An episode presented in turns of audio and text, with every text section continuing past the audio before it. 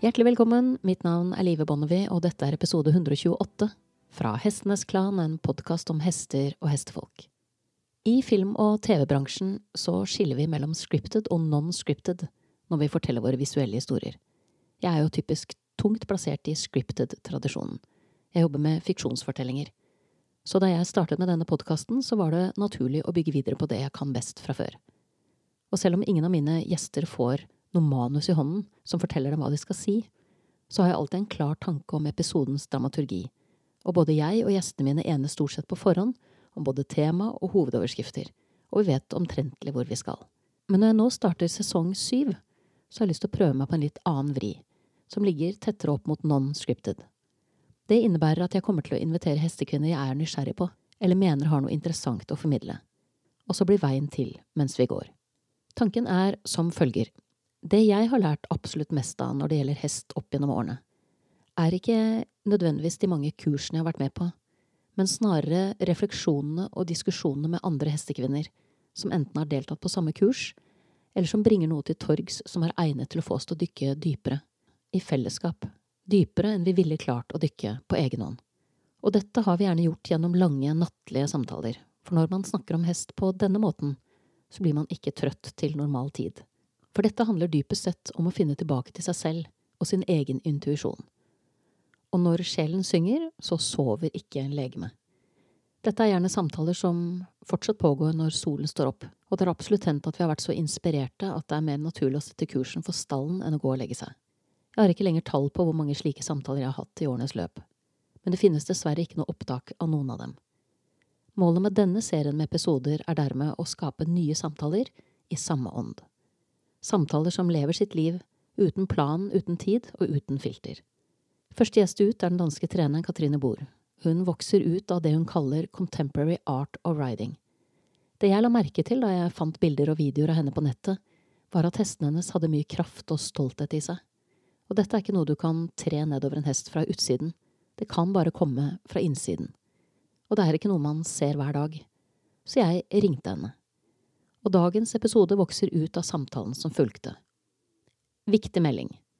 Ikke la deg skremme av at hun snakker dansk. Heng på, selv om du syns det er litt tyngre enn norsk, for du kommer inn i det. Og jeg lover deg at det er verdt det. For det du kommer til å erfare, det er at det viktigste Katrine har å si, det kommer ikke fra munnen. Det kommer rett fra hjertet.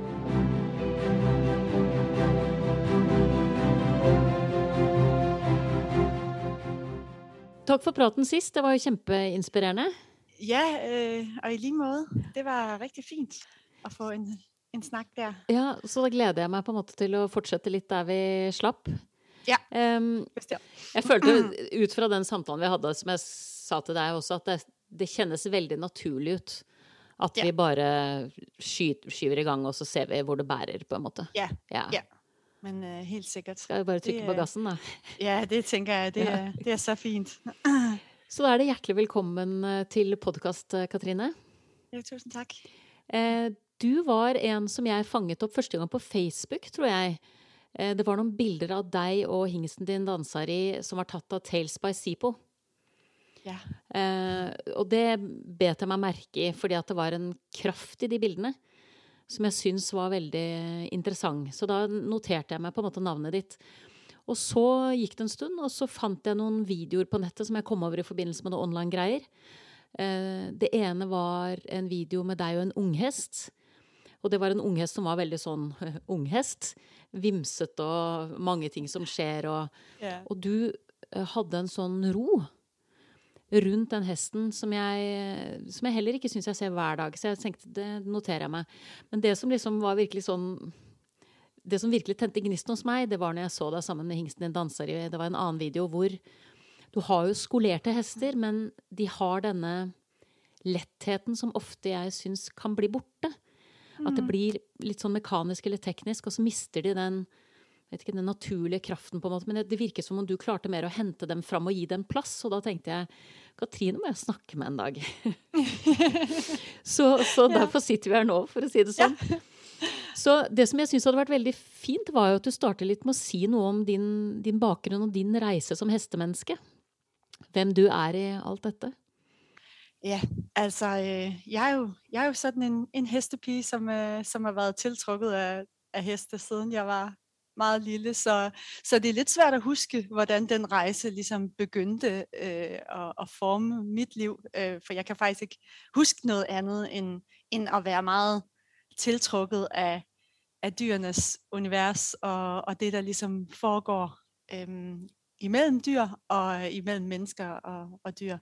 Og, og der var hestene jo ligesom sådan en, ah, hvor det, jeg tror, det var fascin, fascinationen af det her sådan både meget kraftfulde, øh, som en hest ligesom øh, indeholder, øh, men også det her meget følsomme, øh, hvor det ligesom blev et, øh, et meget interessant, øh, et, et meget sådan magnetisk øh, dyr skabning øh, fra mit øh, synspunkt. Øh, så det er sådan, det kan jeg altid huske. Og så øh, min, min mor er jo hestemenneske og har jo ligesom også jeg fundet kærligheden til, til det og til dem, og, og egentlig fået lov til ret meget som barn, når man ser tilbage på det. Øh, måske har jeg været meget heldig, at der ikke blev sagt, at det der, det kan man ikke, eller sådan gør man ikke, eller traditionen, den siger.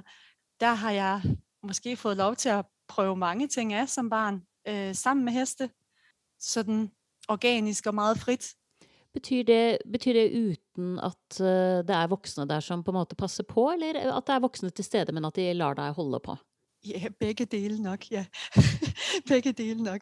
Øhm, jeg tror, der er nogen, der vil, øh, der vil sige, at det var øhm, måske enormt usikkert øhm, og utrygt at se sit barn interagere med, med et stort dyr på den måde, som jeg ret tidligt øhm, fandt interesse for. Øhm, og, og nogle af tingene gik jo også godt, og nogle af tingene gik mindre godt. Øhm, det, det vil jeg da ærligt indrømme. Sådan er en rejse jo. Øh, det er jo øh, sjældent sådan smooth ride, bogstaveligt talt. Øhm, men jeg kan huske, jeg havde min, min første islænderhoppe, Litla, som, øh, som jeg havde faktisk indtil for en fem år siden, øh, som stod op hos, øh, hos min mor og min far. Øhm, og øhm, vi havde sådan en fin aftale, hvor jeg red rundt sådan øh, uden øh, hovedtøj på hende og uden sadel og bare holdt fast i, i manen. Og vi havde sådan en rigtig god aftale, synes jeg og hun, om at hun styrede farten, og jeg styrede retningen. Og retningen kunne jeg faktisk styre sådan rimelig præcis med min vægt og øh, med nogle signaler på skulderen og, og sådan noget. Øhm, farten kunne jeg ikke rigtig styre, men det var som regel fuld galop. øh, så det var virkelig derudad og, og små cirkler og sådan noget. Og man kan sige, jeg fandt hurtigt ud af, at, at, at selv sådan en relation handler måske rigtig meget om kompromiser og om at, at forstå de interaktioner, som, som jo sker mellem alle væsener, mere end det handlede om kontrol. Så, øh, så, så det var sådan måske i begyndelsen på min rejse, at jeg, at jeg faktisk øh, havde ret meget frihed øh, til at lege.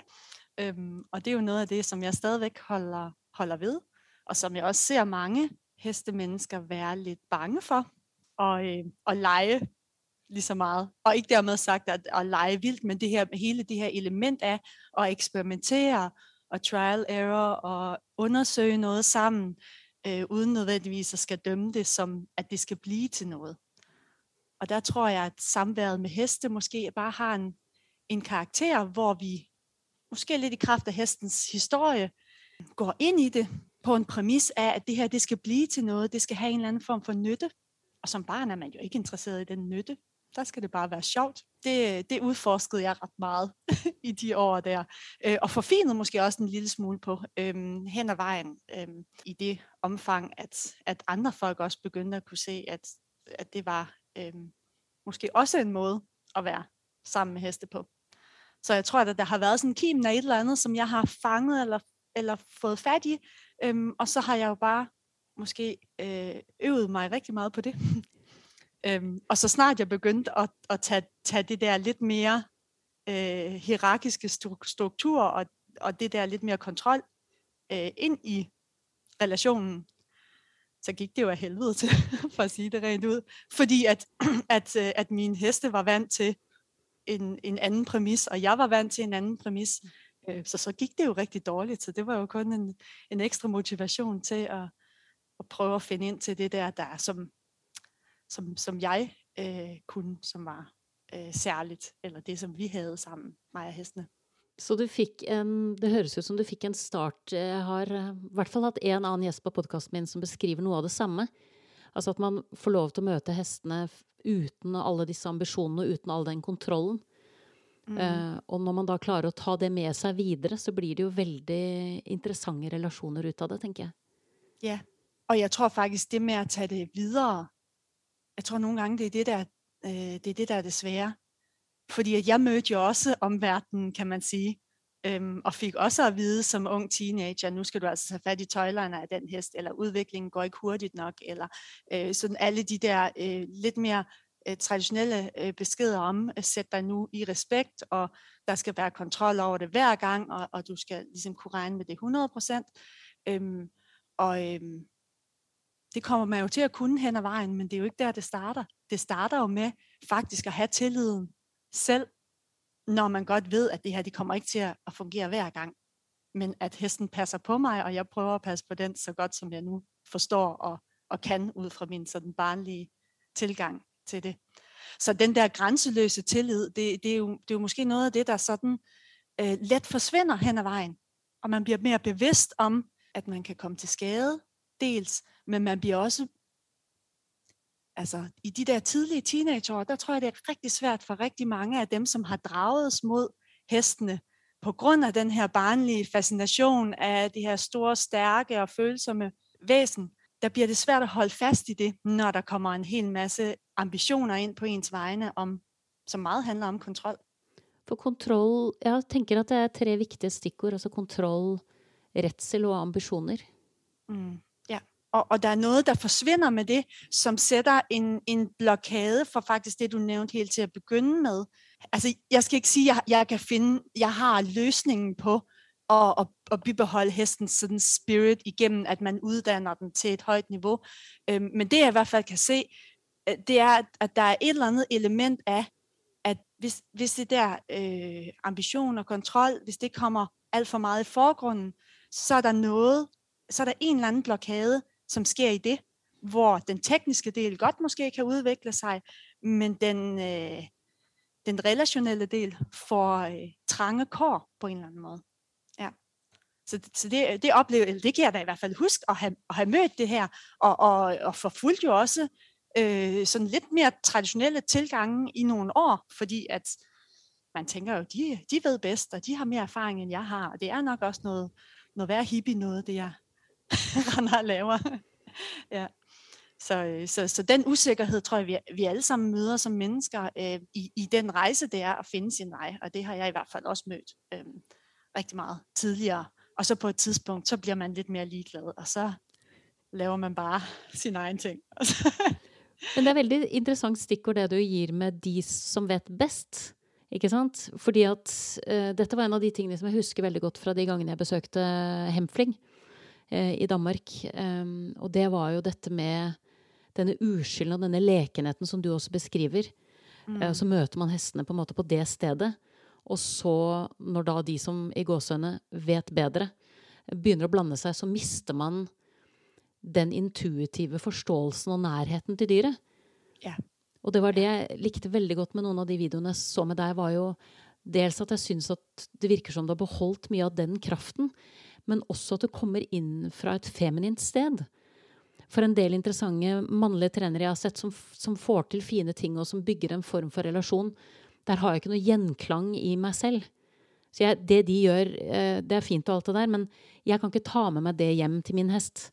Mm -mm. Mens jeg syns at det du viste på de videoene, var noe jeg kunne kjenne igjen. Mm, og det, ja. det, likte jeg godt, for det, det Ja, det er, eh, tror jeg, en av de første gangen jeg har sett akkurat det du viser. Altså det å beholde den lettheten i hesten, men samtidig komme ut fra en feminin energi, da, sånn som det ser ut fra utsiden. Ja, og, og, og det er måske også et, noget, der er opstået i erkendelse af, at, at man har hvad skal man sige, prøvet at efterligne og lært nogle af de her ting, ved at prøve at efterligne lidt det, det maskuline. Øh, fordi der er nogle af de ting, som, som, som virker meget, meget kraftfuldt, og som kan kan give en en forståelse for, hvad er det for nogle dynamikker, der er i bevægelsen, og hvad er det for nogle dynamikker, som, som gør, at man kan vise hesten, at den er på rette vej i bevægelsen, men også selv hvad skal man sige, stå i sit eget lys. Øh, jeg kan vældig godt øh, genkende i hvert fald den, øh, den udfordring, øh, du siger der, for jeg har jo heller ikke øh, særlig øh, meget haft nogle, nogle feminine billeder, som, som jeg har kunnet spejle øh, nogle af de her ting i. Øhm, så, så det har jo virkelig været sådan lidt, at man, man træder det lidt, øh, og, og så håber man lidt, at det bliver til hen ad vejen. Men det, men det bliver jo meget, meget klart, når man i hvert fald søger den her meget rene, det her rene møde med hesten, så bliver det jo meget, meget klart, at man kan ikke gøre det som nogen anden end sig selv. Og så, og så vil man jo netop øh, stå i den situation, som jeg også har stået i rigtig mange gange, at man ser på noget, og man oplever det som fantastisk, og som, som at det har elementer af noget, man gerne vil, men det betyder ikke nødvendigvis, at man kan tage det med ind, og, og tage, det, øh, tage det med hjem og kropsliggøre det. Øh, fordi det skal man jo gøre fra ind fra sin egen mave på en eller anden måde. Ja, det, man må være autentisk. Du kan ikke møte hesten på den måten vi snakker om her, hvis ikke du er dig selv. Nej. Det er liksom første bud på en ja. måte. Og så tror jeg så også, at, øh, at mange vil måske blive overrasket over, hvor lidt jeg rent faktisk træner hestene for at være og have den, øh, den dialog med dem, som, som jeg nogle gange har. Altså, mange tænker jo, at, øh, at, at så skal de tærpe noget fem gange om ugen og sådan noget, og det, er, og det, det må jeg bare ærligt indrømme, at det, det er slet ikke... Øh, det er slet ikke sådan, vores liv er sammen. Og det, og det er jo det, der er lidt faren ved den, den hurtige øh, kommunikation og den måde, vi ligesom forholder os til, øh, hvad vi godt kan lide og hvad vi lader os imponere af. Hvor der er et eller andet øh, i, i den hurtighed, øh, som, hvor man tror, man, man glemmer at anerkende, at det måske er toppen af isbjerget, hvor øh, rigtig meget af den tid, som jeg tilbringer i hvert fald med hestene, er, er sådan noget meget øh, stille og meget, godt nok autentisk, men meget subtle, sådan meget øh, øh, øh bare noget samvær, og hvor jeg går og passer dem op, øhm, og, og er, er en form for tjener for dem, og holder øje med, at, ja, at de har det godt. Og det kan man sige, jo, jo, men det er jo sådan ren management, ja, men der er et eller andet, som sker i den relation der, når at, altså fordi noget af det, jeg søger, det er, at de afspejler så godt, som det kan, en dag i en hesteflok. Altså, og, og, og, og den tid, procentvis de bruger på at være imponerende og vise noget af det, som du for eksempel så i den video med Danseri, det er jo måske maks 1% af dagen, og det er endda ret højt sat, øhm, hvor, hvor at, at det er den form for fremtoning. Og så er der rigtig meget andet, hvor det bare er sådan noget med at være i ro sammen. Og jeg oplever rigtig ofte, at i hvert fald meget af det, jeg selv har studeret, øhm, at så har der været rigtig stor procentvis fokus på den del, hvor det er imponerende at se på. øhm, og, det, og det er øh, en lille del af, af samværet. Og det synes jeg er rigtig vigtigt at sige, øh, fordi at jeg tror, det er øh, måske noget af det vigtigste for at forstå, hvordan man kan finde letheden. Og det er jo netop, at man går ind i det på lidt mere på, på nogle præmisser af, at jamen, en, et hesteliv er bygget op af, af rigtig mange forskellige ting, og man lægger ikke altid mærke til, hvor meget, hvor mange andre ting de laver. Mange de kommer næsten ud til hesten, og så, øh, og så tager de på en ridetur. Øhm, og det er jo ikke den måde, jeg lever med hestene på. Det er, det er sådan lidt mere, øh, det er sådan lidt mere samvær i, i det hele. Øhm, ja. Kan du sige noget om, hvordan en dag med hestene dine typisk øh, er? Så jeg har, jeg har syv heste. Øhm, så er der øh, et par, par unge heste, eller et par af dem, som er unge hester, som går op hos min mor, lige, de er lige på et lille efterskoleophold der. Øhm, og så har jeg, øh, ja, så har jeg mine, mine sådan, sådan de faste heste, der er her. Og det er Komma på 27, min gamle hoppe, som jeg fik med hjem fra Island. Og så er der Sulema, øhm, som er en spansk hoppe, og som har synshandicap, så hun er er sådan funktionelt i hvert fald blind. Hun kan måske skælne, om det er dag eller nat, men det er nok der, det, det kommer sig til. Og så, øh, og så har jeg Naranja, den unge hest, som du øh, talte om lidt, lidt tidligere. Øhm, og, så, og så har jeg Idon, en islandsk hoppe, som øh, jeg også har vist på nogle af de her videoer. Øhm, og så har jeg Kabi, som er i træning. Så det er sådan de, dem, der fast er.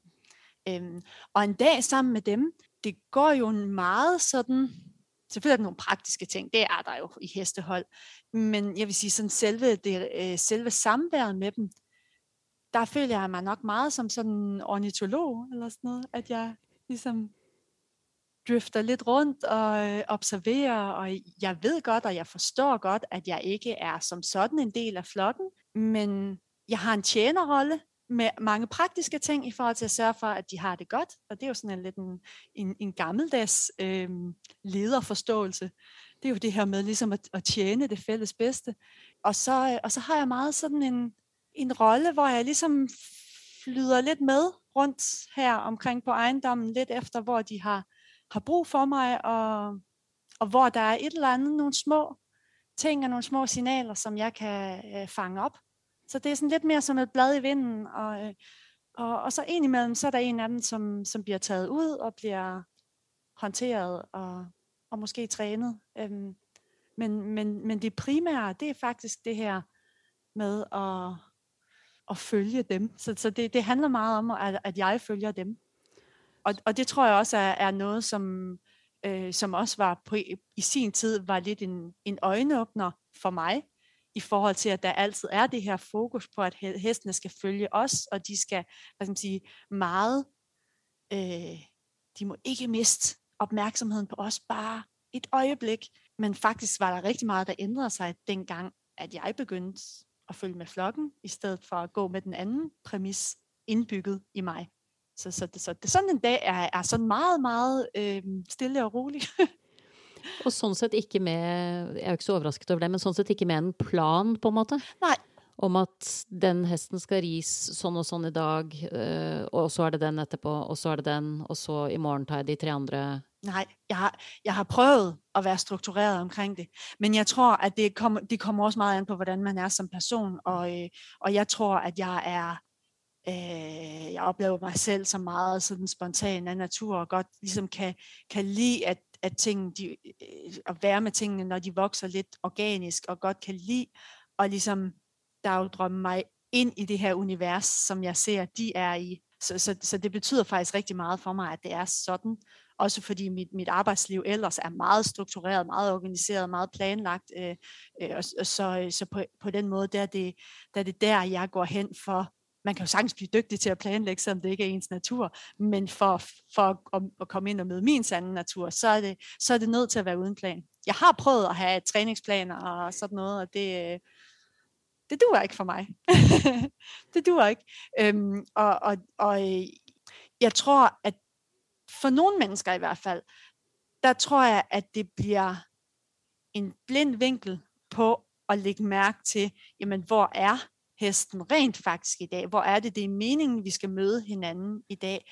Fordi det er så fint følende nogle ting, man skal ind og, og registrere, at er, at er man bare lidt for meget opsat på, at vi skal jo lige nå de her træningsmål i dag, så, øh, så, så kan man godt blive afledt lidt. Det er så fort gjort at glemme hesten. Ja. På en måte. Altså, ja. Og bare se det, man havde tænkt til at få til, ikke sant? Og det tror jeg da også, at det, måske de kan opleve nogle gange, øh, hvis det er den måde, de bliver mødt øh, på. Øh, og, og altså det der med, at, at man går hen og, og spørger nogen, jamen fortæl mig, hvordan du har det, for, altså fortæl mig noget om dig selv, men man ikke har lyst til at vente på svaret, og man ikke har lyst til at lytte efter svaret. Hvor er du hen i dag? Øh, hvad, hvad har du lyst til, vi laver i dag?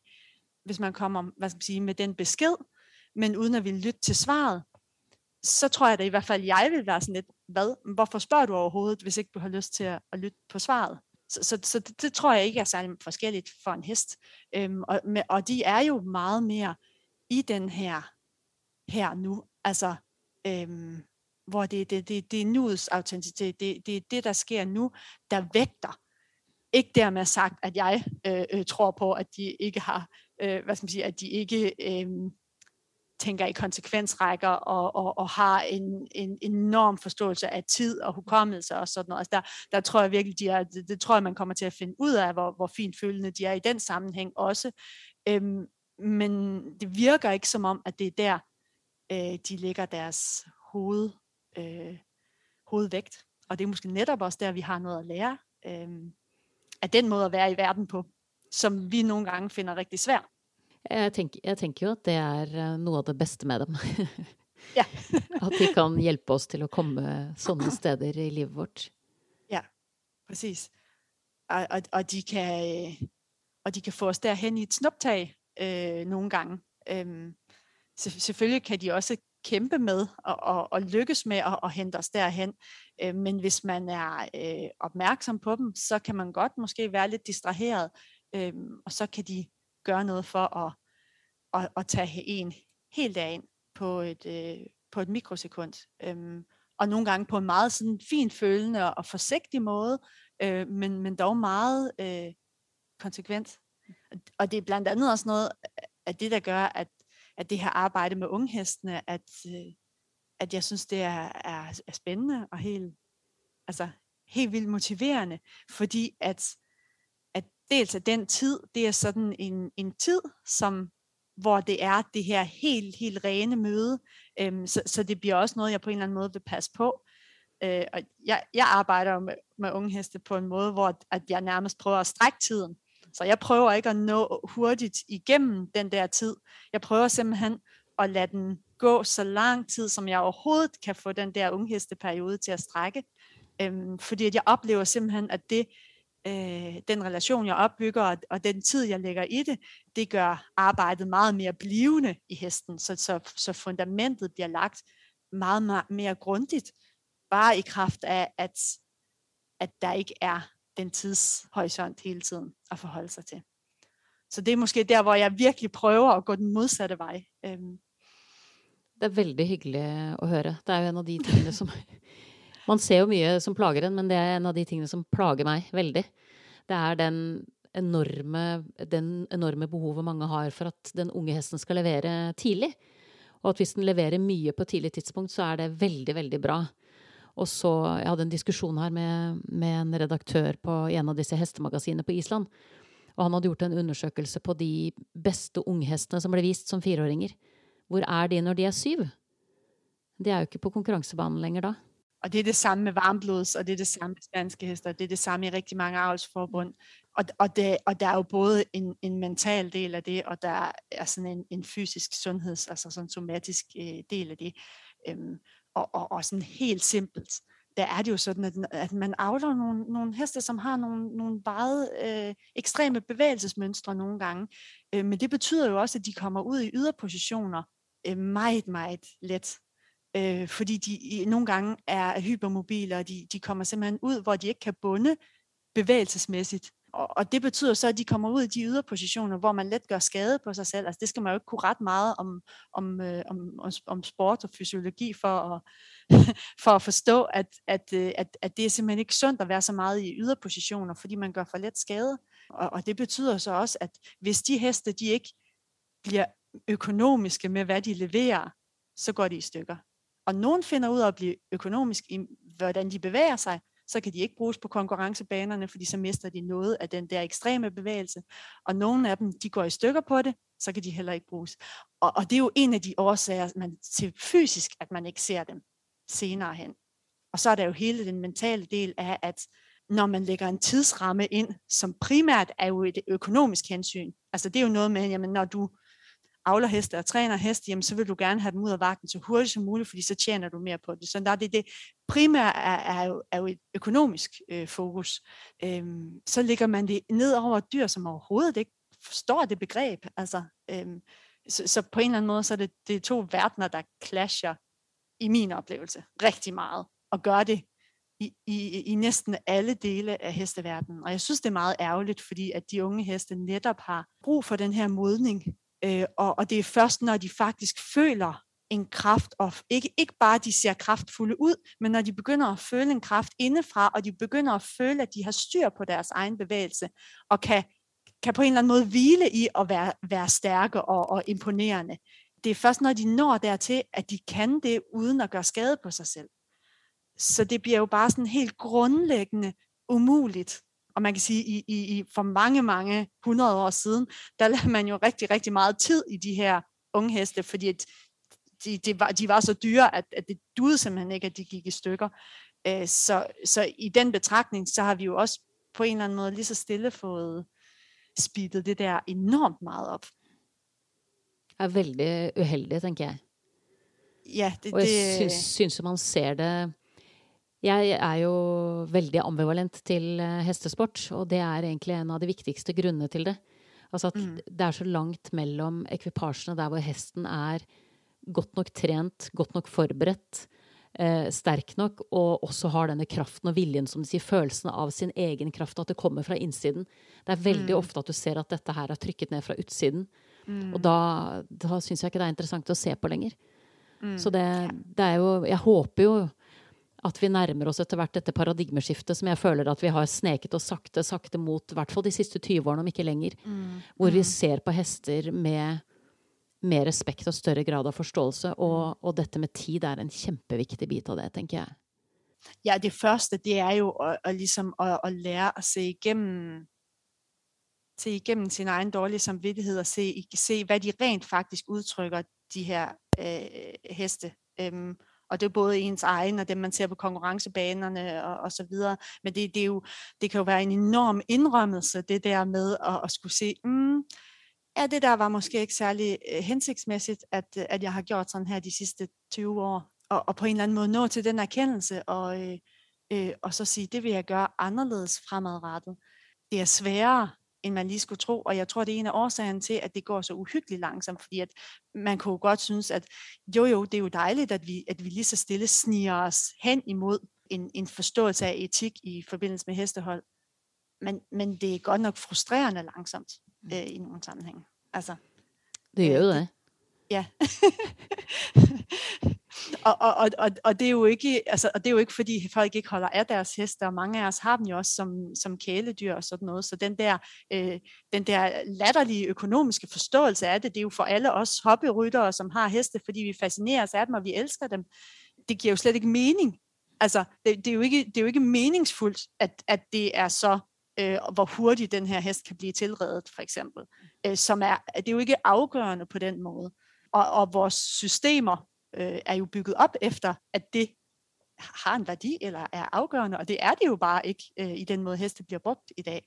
Så, så der kunne jeg virkelig godt tænke mig at, at, at, at skubbe lidt til den forståelse der, og, og, og, og jeg ved også godt, at det er lidt provokerende for mange, når jeg siger, at det der, det går alt for hurtigt, eller at man virkelig prøver at, at strække tiden over, at strække en tilredning over så lang tid som muligt, og er det min egen hest, så arbejder jeg i hvert fald over et år fra jorden, før jeg overhovedet tænker på, at jeg skal op og sidde på hesten. Altså, så så, så det, er jo, det er jo noget med, at man lægger meget, meget omhyggeligt grundlag. Og det synes jeg et eller andet sted kun er fair. Du har netop hørt episode 128 fra Hestenes Klan, en podcast om hester og hestefolk, og første del av intervjuet med Katrine. For det er selvsagt mer å hente. Mye mer. Det er faktisk ikke uvanlig at den lille halvtimen du får hver mandag, som skal passe inn i din hverdag, bare er toppen av isfjellet. Svært ofte fortsetter samtalen med gjestene mine lenge etter at intervjuet er over. Noen ganger, på gode dager, i flere timer. Mitt håp er at denne serien med intervjuer vil bidra til at vi alle klarer å dykke dypere og møte hestene vi har i livet vårt med intuisjon, forståelse og innsikt. Der gjenstår det bare for meg å takke min faste komponist Fredrik Blom, min gjest Katrine, og sist, men ikke minst vil jeg takke deg, kjære lytter, for tålmodigheten. Måtte hesten for alltid være med deg.